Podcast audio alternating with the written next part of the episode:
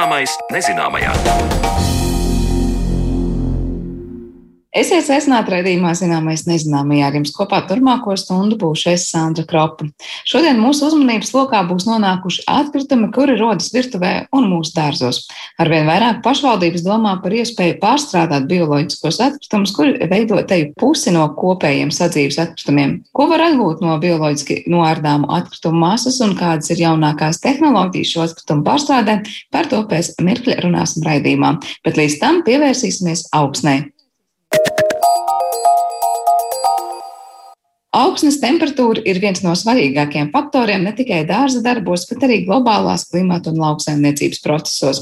Kā mēra augsnes temperatūru, kā mainoties temperatūrai augsnē, tai pielāgojas tur mītošās dzīvās radības un kā notiek apkārtējās vidas un augsnes miedarbība, par to vairāk interesējās Zana Lāce. Augsne, jeb dabiski veidojusies irdena zemes virskārta, sastāv no dažādu iežu daļiņām, kā arī to veido dažādās sadalīšanas stadijās tur esošās organiskās vielas, un arī tur mitinās milzum daudz dzīvo organismu.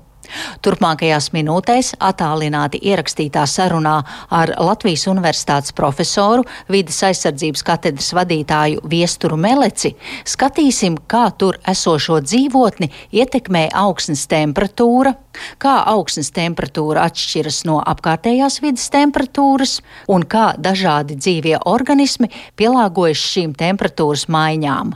Augsne ir tāds ļoti sarežģīts substrāts. Tur ir būtībā trīs vidas komponenti. Cietā viela, ja, tie ir akmeņi, dažādi ieži un šķidrais komponents, tad augsnes ūdens, būtībā ūdens šķīdums, kurai ir izšķīdušas dažādas vielas. Un augsts gaiss, kas atrodas augsnes porās. Un katram no šiem komponentiem ir sava siltuma ietilpība. Vissiltumietilpīgākais ir ūdens tas visilgāk saglabā siltumu un lēnāk atdod.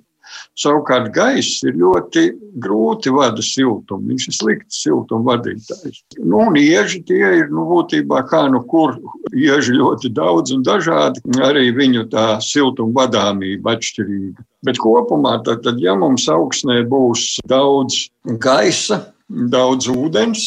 Patiesībā tādās labās augsnēs tas tā arī ir, kas nav sablīvētas nu tad eh, tur būs šī temperatūras vadāmība ļoti lielā mērā atkarīga no to komponentu proporcijām. Tā kā nu, no šī viedokļa tāda augsne ļoti sarežģīta attiecībā par eh, saules starojumu, tad nu, saule sasilda augsnes virskārtu. Tālāk no šīs virskārtas temperatūras var izplatīties vadāmības ceļā tālāk augstnes dziļākajos slāņos. Un te nu ir lūk, tas, ko es iepriekš teicu, tad cik daudz tur ir gaisa, cik daudz ūdens, šie visi faktori ietekmēs.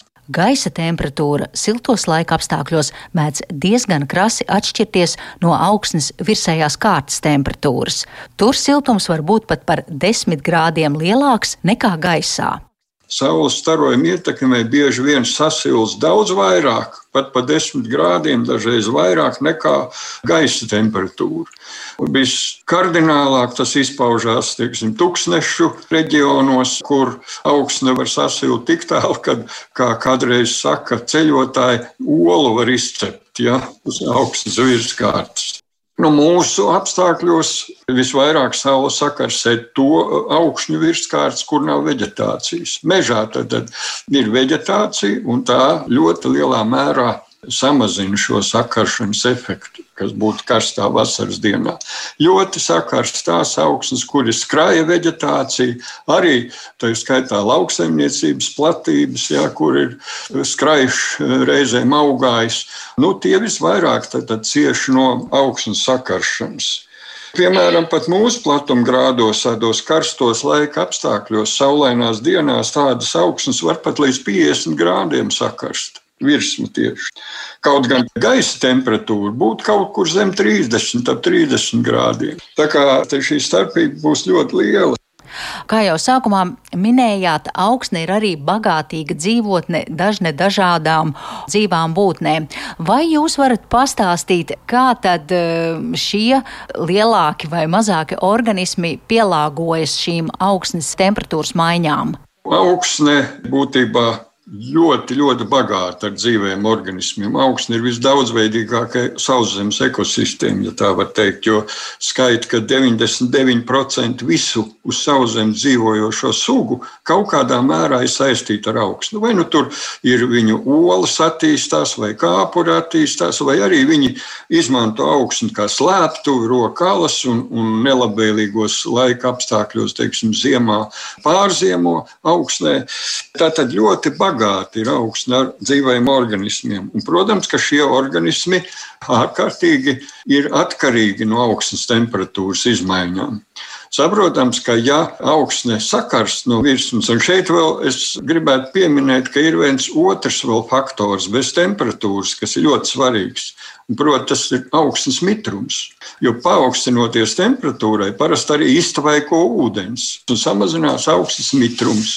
Bet lielākai daļai augstnes dzīvnieku, kas tur dzīvo, augstnes mitrums ir būtiski svarīgs. Teiksim, slieka augstas temperatūras ietekmē, ja nav mitruma, viņi izkalst. Tā gliemja izkalst momentā un iet bojā. Un ļoti daudz augstas organismu iet bojā. Šādos apstākļos, ja augsta temperatūra un nav pietiekams mitruma daudzums, nu, ko šie organismi mēģina darīt, kā viņi mēģina pasargāt sevi. Viņi mēģina tad, tad iekļūt dziļāk augsnes slāņos, jo virsējais augsnes slānis, tad, tad tā, tās temperatūras tur izmainās viss straujāk. Bet kaut kur jau 20, 30 centimetru dziļumā jau šīs izmaiņas notiek lēnāk. Un pat teiksim, kaut kur ap pusmetru vai metru dziļumā varētu teikt, ka gandrīz nemainās temperatūra visu cauru gadu. Un līdz ar to tad, nu, šie organismi kaut kādā veidā cenšas, kā nu kurš var ierušināties dziļāk šajā paslēptuvē. Ja mēs runājam par augstas temperatūras izmaiņām, tad varētu būt tā, ka augsnē tiem dzīvniekiem ir kāds temperatūras punkts katrai sugai kurš viņam ir vislabvēlīgākais. Tā kā katram no šiem organismiem lūk, ir šī optimālā, tā mēs varētu teikt, temperatūra, kas viņiem patīk un pie kuras viņi var ļoti labi vairoties un izdzīvot. Bet, protams, daba nav tāda, kas to viņiem ļauj. Un e, nāk dažādi nelabvēlīgi faktori. Teiksim, vasarā tas ir sausums un karstums, ziemā savukārt tas ir augstums. Nu, un šie visi faktori ārkārtīgi ietekmē viņu izdzīvošanu. Dažkārt augstās ziemās viņi var nosalt. Mēs arī kādreiz sakām, nu, redzat, cik labi, ka mums būtu augstas ziemas, mīnus 20, 30 grādi, tad nosalt tie lauksaimniecības kaitēkļi un, un mums būtu labāks ražas nākamā gadā. Daļai jau tur ir taisnība, bet no otras puses ir skaidrs zināms, ka šie organismi ļoti labi pielāgojušies tiem kritiskajiem apstākļiem. Kā jau es teicu, viņi spēja vai nu ieiet dziļāk tajā augsnē un pārziemot, vai arī atstāt tikai olas un tādējādi izdzīvot augsnē. Un Tas pats attiecas arī uz sausumu. Vasaras vidū daudz organismi aiziet, sliekas, dažādi kukaiņu kāpuri aiziet augstnes dziļākos slāņos un tur izdzīvo. Un tiklīdz rudenī sāks lietavas un temperatūra samazinās, viņi atkal kāp augstnes virspusē. Tas ir par vasaru, bet sakiet, kā ir ziemā, tad, kad zemes virskārta ir sasalusi vai arī to sedz sniegs? Interesanti tas, ka negatīvām temperatūrām, teiksim, ziemā daudz augstnes organismi ļoti labi pielāgojušies. Izrādās, it īpaši zem sniega. Un mēs vienmēr arī priecājamies, redzēt, uzsniga sniedziņš, un tagad augsnē būs labāk temperatūras apstākļi, nenosals mums rozes, nenosals lauksaimniecības kultūras. Ja? Un tad, kad ir bez sniega ziema un kailsals, ja mēs sakām, o, tas ir bīstami. Nu, tas tāds tiešām ir sniegs savā ziņā kalpo kā tāds mulčs. Ja? ir mulčs, mēs arī varam nomulčēt augstnes virsmu un līdz ar to saglabāt eh, labvēlīgākas temperatūras vidas apstākļus dziļāk augsnē. Bet tā vai citādi, tad šie organismi ir pielāgojušies. Viņi ir aktīvi pat pie nulli grādu temperatūrām, pat zemākām. Šiem organismiem, un arī ne tikai dzīvniekiem, bet arī augiem saknēs esošais ūdens būtībā ir savā ziņā antifrīzes, jo viņa koncentrācija, vielu koncentrācija šajā ūdenī tik liela, kas šajos organismos ir, ka viņš nesasalst pie nulles grādiem. Un līdz ar to viņi var izdzīvot, un daži pat ir ļoti aktīvi. Ir piemēram tāda interesanta primitīva kukaiņu grupa, kā lēcas, ļoti sīki kukainīši, divi milimetri gandrīz tikai gari, kuri ziemā iznāk no augsnes un izlien uz sniega kārtas un klejo pa sniega virsmu. Un viens e, norvēģu pētnieks bija pētījis, izsekojis, cik tālu šie sīkie dzīvnieciņi iet, un izrādās, tur desmitiem metru viņu ceļš ved. Un kāpēc tas tā notiek, arī nav īsti skaidrs. Mēs tikai varam to minēt kad no augstas dzīvnieciņiem, kuriem ir ļoti maz šīs izplatības iespējas, tiem, kuriem nav spāru, viņiem ir vajadzīga kāda gēna apmaiņa, jā, lai tā suga nekļūtu nu, galīgi endēmiska vienā konkrētā vietā. Nu, tā domā, ka lūk, šīs sīkās radības, tad šādi aizčāpojot kādus 10, 20 metrus tālāk, tur nu, veids savā ziņā gēnu apmaiņu ar citu populāciju locekļiem. Nu, un, un, un citi, citas arī grupas, piemēram, āģes ir ļoti izturīgas arī attiecībā uz negatīvām temperatūrām. Dažos pat arktiskos reģionos ir aļģu sugas, kuras apaug sniega eh, virsmu un piedod šim sniegam specifisku krāsu, tādu kā šīm aļģēm ir. Viņš kļūst vai sarkans vai zaigans, un, un ir bijuši eh, gadījumi, kad šo sniegu atmosfēras eh, virpuļi paceļ augšējos atmosfēras slāņos un aiznes kaut kur pāri kontinentiem uz citām vietām, un tur tad, tad viss nolīst šis maisījums, ūdens maisījums ar aļģēm, un, protams, viņš ir sarkanā krāsā. Un viduslaikos to sauc par asins lietu.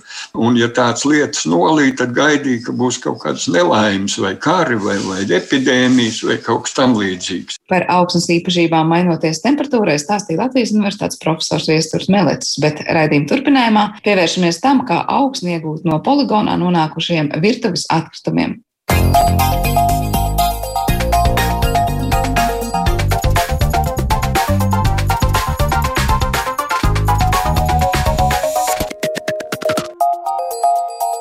Zināmais nezināmajā.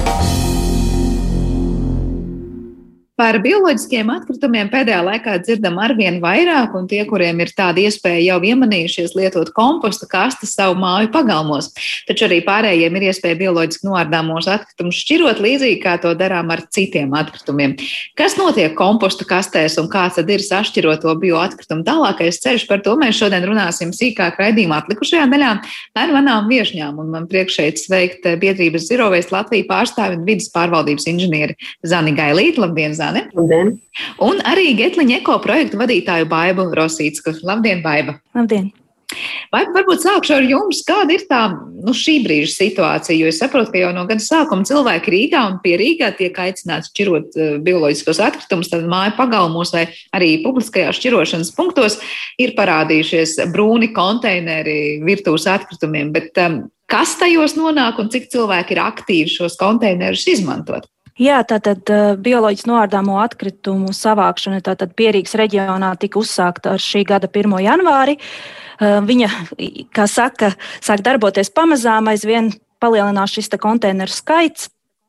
Un tātad šie atkritumi nonāk pie mums, uh, Sijā Getliņa Eko. Tātad mums no aprīļa ir jauna rūpnīca, tātad speciāli šiem bioloģiski noārdāmiem atkritumiem izbūvēts uh, komplekss, uh, kurā mēs veicam šo bioloģiski noārdāmo atkritumu pārstrādi. Uh, arī līdz šim mēs šos atkritumus pārstrādājām, bet mēs tos pārstrādājām atsevišķā bioreaktorā, kas ir atsevišķs kalns, kurā tad, tātad šī pārstrāde metānā tika veikta, nu, tiks veikta arī vēl turpmāk, līdz pat 15 gadiem, tad, kad šis kalns tiks slēgts. Bet tātad te, jā, šis te jaunais komplekss tātad šo pārstrādi spēja veikt divu mēnešu laikā. Un tātad šobrīd arī jau pirmie atkritumi jau šajā kompleksā ir ievietoti, un jau tagad, augustā, principā jau pilnā, pilnā mērā arī mēs šo te pārstrādāto materi materiālu jau arī ņemam ārā un tātad sijājam, iegūstot arī šo te jau pārstrādāto komposta materiālu. Vai pietiek tas atkritumu daudzums šobrīd, vai cilvēki pietiekoši daudz sašķiro, nošķiro un pareizi nošķiro to, ko nogādā jau šajos konteineros, lai šī rūpnīca darbotos? Eh, jā, tātad eh, šobrīd eh, mūsu komplekss pamatā strādā ar mehāniski atdalītajiem bioloģiskiem atkritumiem. Tātad tie ir atkritumi, kas mūsu šķirošanas rūpnīcā tiek atdalīti no nešķirotiem sadzīves atkritumiem. Tātad mēs pieņemam arī šos te dalīti vāktos, bet nu, šogad vēl šis apjoms ir salīdzinoši neliels. Un tā tad mēs arī ceram uz to, ka cilvēki aizvien vairāk sāks šķirot, un šis materiāls ienāks aizvien, vairāk. Līdz ar to mēs varēsim palielināt arī tieši šo dalīti vākto atkritumu pārstrādi. Bet tātad šobrīd, jā, pamatā, ja mēs saprotam, ka Pierīgas reģions tātad nešķirot sadzīvi saražo aptuveni 300 tūkstoši tonnas gadā, un ja mēs pieņemam, ka aptuveni 40 uh, procenti ir tātad šie bioloģiskie atkritumi, tad, nu, principā gada jaudai būtu jābūt ap 120 uh, tūkstošiem, bet, nu, šobrīd tā mums gada laikā tieši dalīti vākti ienāk uh, tikai ap 30 tūkstošiem tonu. Tā kā darāmā vēl ir daudz, bet es pareizi sapratu, jūs teicāt, tas ir tas, kas ir mehāniski atdalīts jau no tā, ko šobrīd sametam kopā, tā teikt, tajos sadzīves atkritumos. Uh, jūs paši getliņos no tā nošķirojat nost to, kas ir bioloģiskie atkritumi. Jā, tātad mehāniski mēs to nodalām. Jā. Eh, protams, eh, kā, kā jau ar jebkuru lietu, kā mēs arī dzirdam, kāpēc ir ļoti svarīgi, lai eh, lai papīri, papīra šajos konteineros būtu tīrs un, un, un nepiesārņots šis materiāls, jo tikai tad viņš ir derīgs pārstrādē. Tad tas pats ir arī ar stiklu un plasmasu, tātad arī bioloģiskiem atkritumiem. Tātad, lai mēs iegūtu tātad, kvalitatīvu šo te gala izēvielu, ir ļoti svarīgi, jā, tātad, lai nebūtu citu materiālu piejaukumi. Tātad metāna gāzi ja mēs varam iegūt arī tātad, no šī mehāniski atdalītā materiāla, bet, protams, tas saražot ražotais komposts, eh, viņš eh, nebūs tik kvalitatīvs, lai viņi pēc tam varētu atgriezt, eh, piemēram, lauksaimnieciskajā ražošanā vai arī, vai arī kādā meža saimniecībā. Tātad mēs vairāk uz šo materiālu skatāmies, eh, kā izmantot tieši tehniskai agrikultūrai vai, vai kaut kādām rekultivācijas eh, darbībām. Bet šobrīd, nu, kas ir tās, varbūt jūs varat minēt piemērus, nu, nonāk no tiem atkritumiem lietas, kas veido šo, šo vajadzīgo kompostu, no kā jūs jau varētu to iegūt? Un tas ir kaut kādas mīzas, tas ir, es nezinu, kaut kādi vēl citas lietas, ko jūs minējat, kā cilvēki var vienkārši vizualizēt, kuri tad atkritumi ir tie, kas pareizajā konteinerā iemesti, var pēc tam kļūt par tiešām labu izēvielu.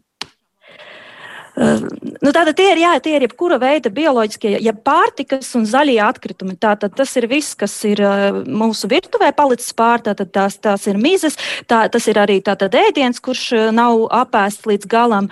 Tātad tā ir zāle, tās ir lapas, tas viss, kas mums dārzā rodās, arī nelieli zariņi, puķis, no, puķis vecas, kas jau ir noziedējušas vāzēs. Tātad tāda veida zaļie atkritumi. Tātad, un jebkurš, jebkas nu, cits, kas, kas nu, nu, katram jāpadomā arī par to, ko, ko viņš būtu gatavs kompostēt pēc sevis, pie sevis mājās, jo tā tehnoloģija jau būtībā neatšķirās. Tātad uh, tas, kas ir spējīgs dabā noārdīties, tas arī mēs varam šajā pātrinātajā ciklā noārdīt. Un, piemēram, tās lietas, kas nenoārdās arī dabā, tās nenoārdīsies arī mūsu kompleksā. Jā, protams, tur, protams, likums ir visiem vienāds.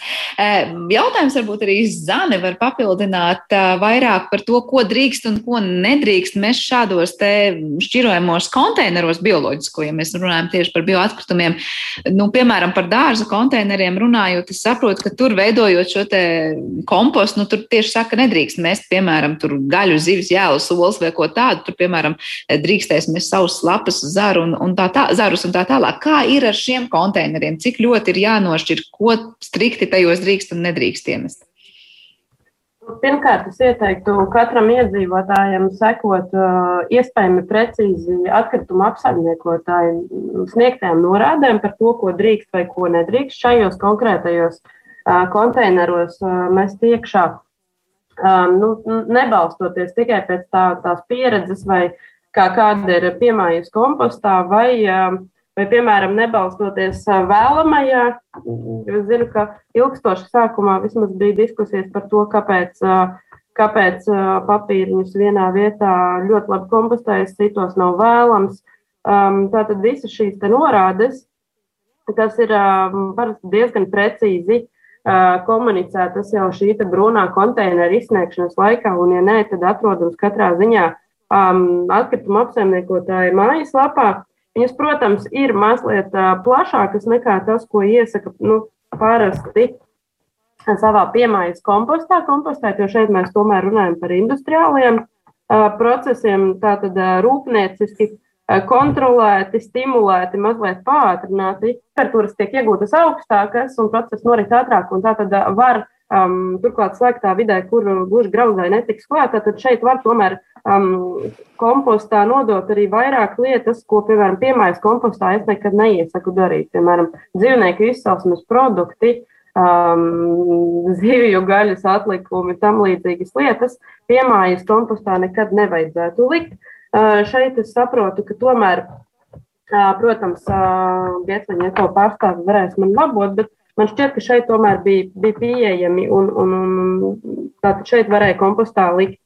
Jāuzmanās, protams, ir ar dažādiem izstrādājumiem, kuri, kuri šķiet, ka ir dabīga materiāla, bet īstenībā var saturēt mikroplasmasas un citus nenoārdāmas, tātad nenoārdāmas materiālus.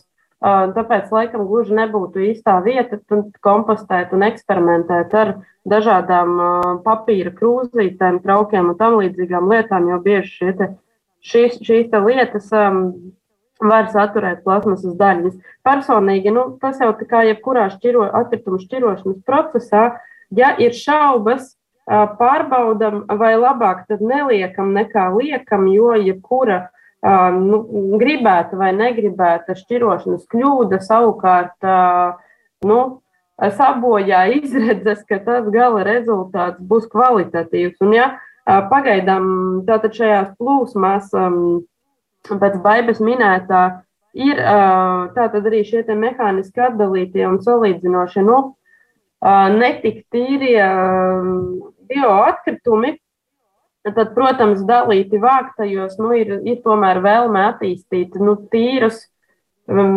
tātad tīrākus katrā ziņā un, un arī plašāk līdz ar to izmantojamus kompostus. Un, un, um, tātad šeit šis process nav gluži komposts, šis vairāk ir metanizācija, bet arī rezultātā tiek iegūtas organiskās vielas, kuras būtu nu, kuras ir vēlme arī atgriezt vielu apritē. Tātad, jo vairāk kļūdas mēs pieļaujam, un jo vairāk brīnumus mēs katrs kaut nedaudz šajā plūsmā iekļaujam, jo, jo sarežģītāk ir pēc tam nu, iegūt nu, sakarīgu gala rezultātu visiem. Un, un jo vairāk, jo ilgāk mēs attālināmies no tāda um, gala produkta, kuru arī varētu mierīgu sirdī un, un ar lielu patikšanu izmantot tajā pašā lauksaimniecībā vai nu, visur citur, kur mums pašiem gribētos, piemēram, lai arī mūsu ēdienas aug. Tāpēc, nu, precīzi es laikam no, no galvas ne, necitēšu šoreiz. Es domāju, ka baiva precīzāk var nosaukt, kas tieši ir tajās norādēs, bet principā um, tiešām šīs te norādes. Uh, ir komunicētas katram, saņemot tātad, šos te konteinerus, viņas ir pieejamas. Un, ja nu, ja nu gadījumā jums ir šaubas, vai kaut kur šī informācija ir, ir, ir noklīdusi, tad, tad ieteiktu apskatīties tiešām atkritumu apsaimniekotāju mājaslapā katram personīgi. Skaidrs. Vēlreiz Vēlreiz, jā. Tātad informācija ir pieejama. Jautājums, cik viegli atrodama un cik ļoti nu, ne, nemulsinoši varbūt tam atkritumu šķirotājiem. Baiba droši vien jums ir ko piebilst pie tikko minētā, ko drīkst, ko nedrīkst. Tā pavisam vienkārši sakot cilvēkiem šajos te nu, jā, brūnajos konteineros mest, ko nevajadzētu noteikti. Jā, tātad es papildināšu un piekritīšu, jā, ka tieši attiecībā uz Getliņa eko iekārtu mēs pieņemam arī šos te. Uh, dzīvnieku izcelsmes produktus, jo, kā jau arī minēju, tātad mēs, mēs nodrošināsim uh, vairāku dienu garumā šo 70 grādu temperatūru, kas tādā veidā higienizē šo, te, šo te produkciju, un tādā veidā gan baktērijas, gan sēnītes tiks iznīcinātas. Uh, līdz ar to jā, šos produktus var. Uh, tātad mēs arī tātad, uh, neiesakām šos papīra izstrādājumus, jo, kā jau minēju, tieši tā šobrīd tīrs papīrs ir ļoti maz. Tādās lietās, pat kā papīra salvetēs, jau tiek pievienotas dažādas plasmasas šķiedras, lai padarītu viņus izturīgākus. Līdz ar to uz aci jau vairs principā nav iespējams noteikt, vai, vai šie materiāli ir tātad pilnīgi bioloģiski noārdāmi. Līdz ar to nu, kā, kā, kā vietas apsaimniekotāji minēja, nu, tāds visvieglākais varbūt ir tas, ko vai nu es esmu gatavs, tātad, ko es varētu ēst, vai arī tātad, uh, mans mājdzīvnieks varētu būt gatavs ēst. Tas, tas arī ir tas, ko šajos konteineros uh, tātad, var likt. Tā kā neaizrausimies ar papīra izstrādājumiem, ja tas tātad būtu tiešām papīra konteineram atstājams, nevis uh, kompostējamajam. Tie, kas ir sausi, tātad arī, kas ir ļoti svarīgi papīra pārstrādē, arī ir sausi. sausi tātad, nu, tāpēc arī iet runa par šiem visiem vienreizējiem traukiem. Jā, tie visi, diemžēl, ir jāmet nešķirotās, nešķirotās sadzīves atkritumos, tāpēc, ka pirmkārt papīra traukiem lielākoties ir šie laminētie plasmas pārklājumi, šim papīram. Tātad ļoti daudzos papīros, kā jau minēju, ir tātad tajos pašos tējas maisiņos arī jau tiek pievienotas šīs plasmasas šķiedras. Līdz ar to arī šie visi atkritumi ir jāliek nešķirotā sadzīvē, jo viņus nevar pārstrādāt arī papīra, papīra pārstrādes ciklā. Um, jā, nu, te droši vien mēs varam tikai minēt to, cik ļoti daudzas diskusijas atkal tikai uzvirmos par to, kā ko labāk sašķirot un kā novērst šīs kļūdas cilvēkam, kurš mēģinās atkal visu likt, varbūt pārāk bieži ne tajā konteinerā, kur, kurā būtu jāievieto. Bet jautājums par to procentuālo apjomu. Nu, agrāk runāja, ka tie ir 40% no sadzīves atkrituma apjoma, kas ir tieši šie bioloģiskie atkritumi, un tie ir smagi atkritumi. Droši vien, ka baiva varbūt jums pirmie došu vārdu. Ir kāda cita statistika, vai, vai tas apmēram apjoms ir tieši tāds pats joprojām? Cik daudz mums ir šo bioloģisko atkritumu? Jā, tātad nu, tas, tas būtiski nemainās, jo tieši tā, tātad šī bioloģiskie atkritumi ir smagi, jo viņi, viņi ir ļoti mitri. Ja, ja mēs iedomājamies to pašu arbūzu, ja, kurš principā ir 90% ūdens, līdz ar to viņš ir ļoti blīvs un ļoti smags. Nu, tie aptuveni ir tie 40% pilsētā. Es pati arī esmu bērnību pavadījis laukos, protams, tur šie bioloģiskie atkritumi jau visu šo laiku ir tikuši kompostēti. Ja, viņi nekad arī tajā nešķiroto sadzīves atkritumu plūsmā īsti pat neparādās. Līdz ar to ir tās atšķirības no attie, attiecībā, vai pamata šis savākšanas reģions ir tātad, apdzīvota blīva pilsētas, pilsētu vide vai tomēr tātad, eh, šie lauku reģioni. Eh, bet, nu, ņemot vērā, ka mēs tieši ap, apsaimniekam šo pierīgu ar lielāko tātad, šo pilsētu Rīgu, nu, tad jā, tie ir tie aptuveni 40%, jo citur jau Rīgā, kur šos bioloģiskos atkritumus, piemēram, gatavojot ēst šīs mizas eh, vai šos ēdienu pārpalikumus jau īsti nav kur likt. Jā, tātad tā ir pierīgas un Rīgas problēma, bet tā apjoms ir tik liels, ka droši vien ar to vien pietiek. Zana, vai būs kas piebilstams par to, kā par šiem sadalījumiem un statistiku runājot, mazināt to, to apjomu, kas nonāk sadzīves atkritumos, kā bioloģiski atkritumi?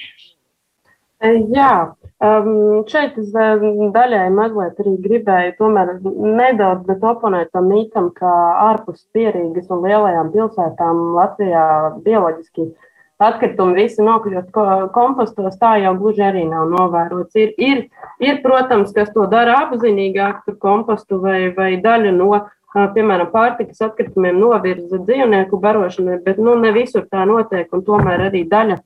Tātad šīs te apbūves un, un veidi un vispār arī lauku vietu ap, apdzīvošanas struktūra mainās īpaši pašlaik ar Covid radītajām tendencēm un ir aizvien vairāk tādu, nu, uh, iedzīvotāji, kuri paņem līdzi uz, uz, uz lauku, laukiem arī savas uh, pilsētas patēriņa metodes, un, un ne visi gluži ir entuziasti kompostēšanā, ne visi to, to veids regulāri un visu, un, un katru vielu. Tātad es domāju, ka mm, klausītājiem tomēr šīs kompostēšanas lietas, uh, man liekas, šķiet visiem ir aktuālas. Un, uh, Un nevelti arī reģionālajie atkrituma apsaimniekošanas poligoni arī tomēr ir ieinteresēti līdzīgas rūpnieciskās iekārtas, varbūt mazākos mērogos, bet tomēr arī ar laiku ieviest. Vai, vai varbūt es jautāšu tālāk par to pašu tehnoloģiju, nu kā no tiem atkritumiem jūs tiekat, piemēram, ne tikai pie tās gāzes, bet arī tā komposta, kas pēc tam var tikt izmantots. dārzos un lauksaimniecības zemēs. Pati tehnoloģija principiāli atšķiras no tās, ko jūs jau šobrīd lietojat, lai tad jūs teicāt no tiem atkritumiem, kas jau nonāk jūsu rīcībā, jūs iegūstat tikai gāzi. Tagad jūs iegūsiet pašu kompostu. Kas tā ir par pašu procesu, varbūt aprakstu jūs varat nedaudz sniegt? Kas tā ir par tehnoloģiju, kā tas notiek? Jā, tātad mūsu jaunais komplekss darbojās pēc sausās fermentācijas principa. Dabā jau tie procesi lielākoties ir diezgan līdzīgi, jo tās ir baktērijas, tātad, kas veic šo darbu.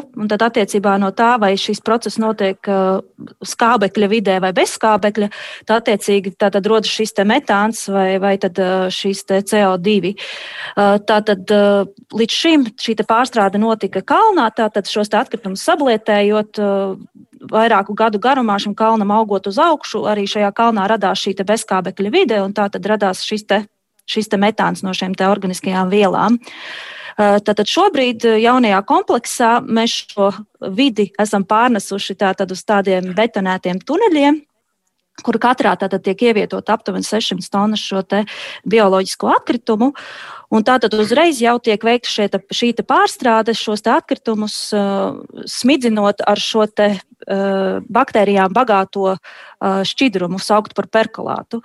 Un tātad šajā, te, šajā te vienā tunelī šis process notiek divus mēnešus. Pirmajā mēnesī tātad ir šī bezskābekļa vide, tātad tiek šķītināts šīs organiskās vielas, kuras tālāk tiek tātad aizvedītas uz reaktoriem, kur jau tad notiek šī rūkšana un, un, un, un gāzes ražošana.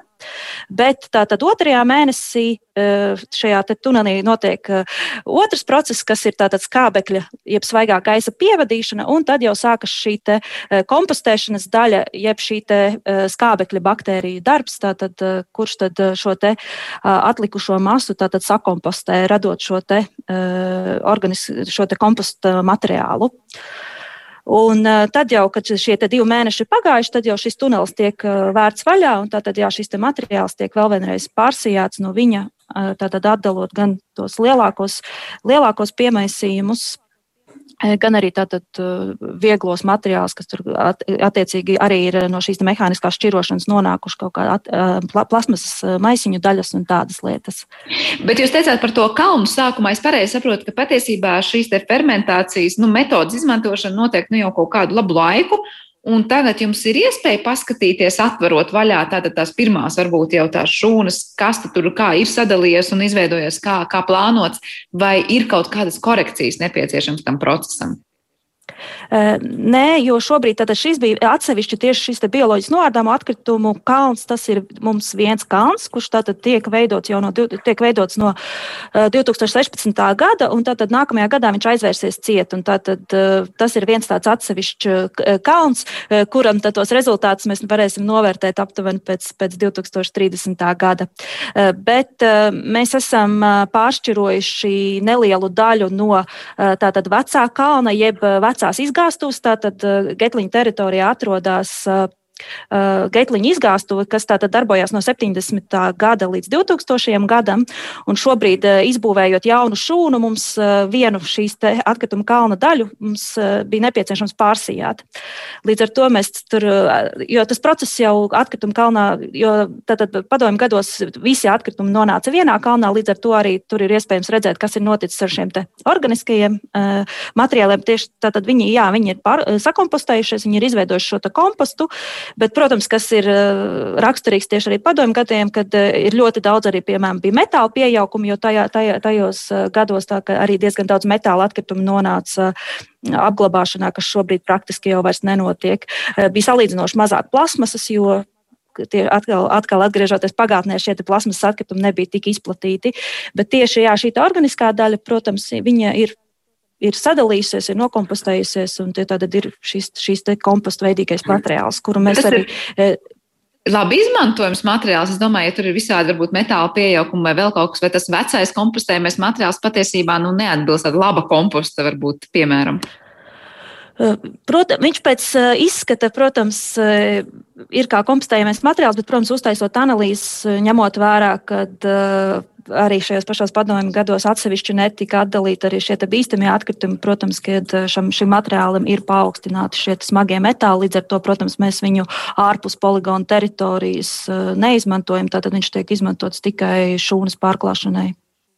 Bet lietojot tagad šo te jauno tehnoloģiju, es saprotu, nu, tas, ko jūs iegūsiet kā jau kompostu, nu, es nezinu, cik ilgā laikā no atkrituma līdz reālam kompostam, ko var likt uz lauka, paiet tas laiks.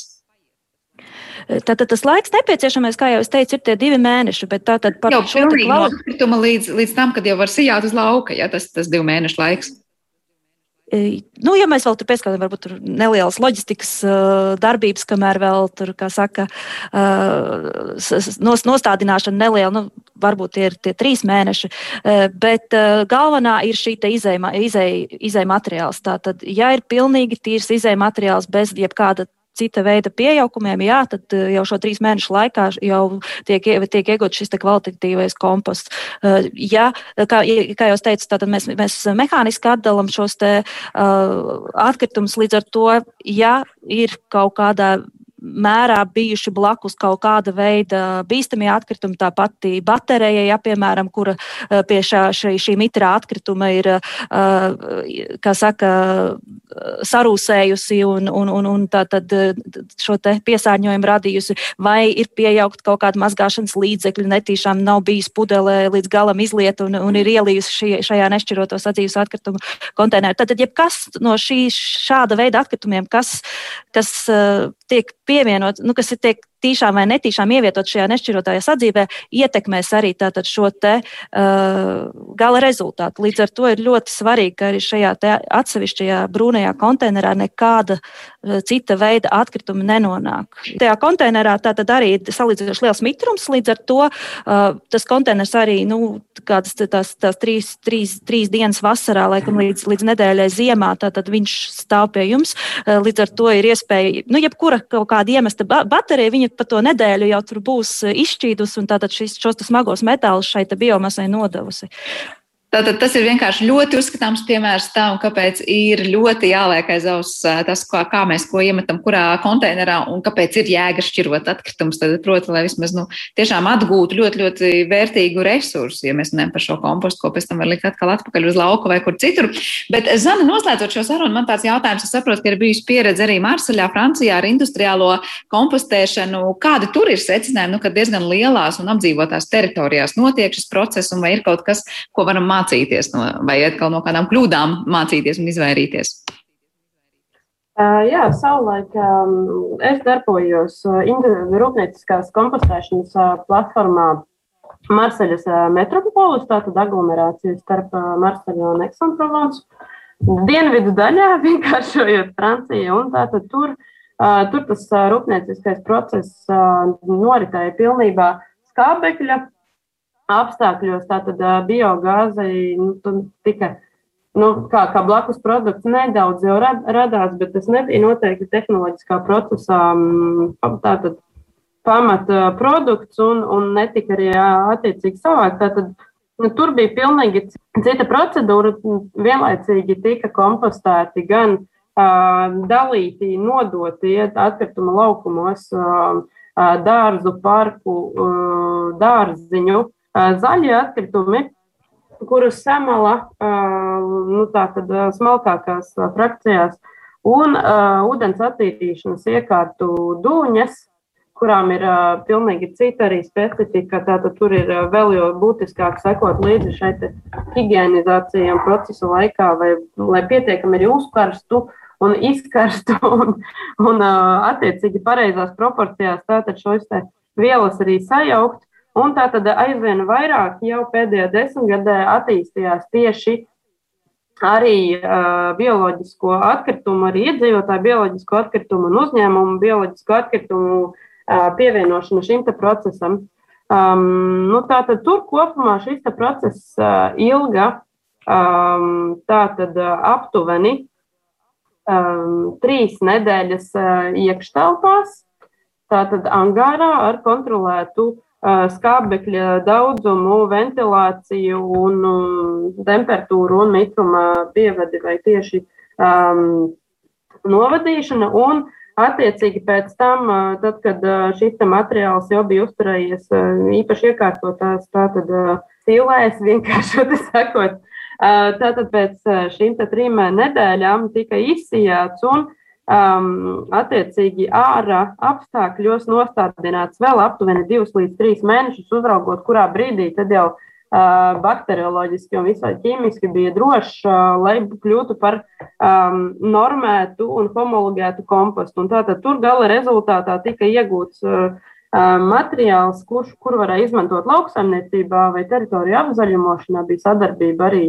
ar uh, lielajiem lauksaimniekiem Provansā. Un, un tātad uh, šis process daļai bija līdzīgs, daļai bija atšķirīgs, bet tas, ko es noteikti arī sasaucoties ar Baibas teikto un atbildot uz Sandras jautājumu par to, ko tad mums vajadzētu mācīties. Mums noteikti vajadzētu mācīties tiešām būt atbildīgiem tajā brīdī, kad mēs jau kaut ko nododam, daļu no atkritumiem. Tātad, kaut ko iemetam kādā konteinerā, kaut ko nododam, jo nu, pirmkārt tas var atspēlēties mums pašam Nu, Tātad šādus pārāk piesārņotus konteinerus atkrituma apsaimniekotājs var vienkārši atteikties uh, savākt. Un, tur, tur, tur var rasties papildus izdevumi. Uh, bet otra lieta ir, ka tas var apdraudēt arī procesa labu norisi un arī pat uh, darbinieku reizēm uh, veselību. Un mums kā viens tāds uh, šīs darba pieredzes laikā viens no zīmīgākajiem gadiem bija uh, situācija, kurā um, tātad šīs te smagās tehnikas vadītājs apdraudēja savu dzīvību, samaļot zaļos atkritumus kompostēšanai, jo iedzīvotāji nodotajos atkritumos bija iekļuvis pat tāds liels un bīstams priekšmets kā gāzes balons. Un tā tad nu, varam iztēloties arī um, šos riskus, kādiem var pakļaut iedzīvotājs. Mazie žesti un mazās neuzmanības tomēr ietekmē daudz, jo mūsu ir, mūsu ir daudz. Jā, to Tieši tā, tas teiktais, ka mūsu ir daudz un pat mūsu mazās lietas, un, protams, tam baigas piesauktās kaut vai baterijas var nodarīt diezgan lielu postu tam, ka nu, arī šis komposts patiesībā kļūst nederīgs. Tieši tā. Jā, nu teikšu jums savām lielu paldies par šo sarunu. Un, laikam, var teikt, ka šodien nedaudz ieskicējām tēlēni runājot to, kas notiek aiz šī brūnā konteineru sienām. Un, un patiesībā ieskicējām arī to, kāpēc ir tik ļoti būtiski, kur nu ir iespēja vākt arī šos bioloģiski nordāmos atkritumus atsevišķi un, protams, darīt to ļoti, ļoti atbildīgi. Paldies jums par šo sarunu. Es atgādināšu klausītājiem, ka mēs dzirdējām biedrības Waste Latviju pārstāvi un vidas pārvaldības inženieri uh, Zani Gailīti kā arī Getliņa eko projektu vadītāju Baibu Rosīts, kur šodien raidījumu zināmais nezināmajām studijām. Ar to arī raidījums ir izskanējis un par to parūpējās producenti Paula Gulbīnska un mūzikas redaktors šajā stundē bija Girs Bišs. Savukārt ar jums kopā bija Sandra Kropa. Lai jums visiem jauka diena un uz tikšanos!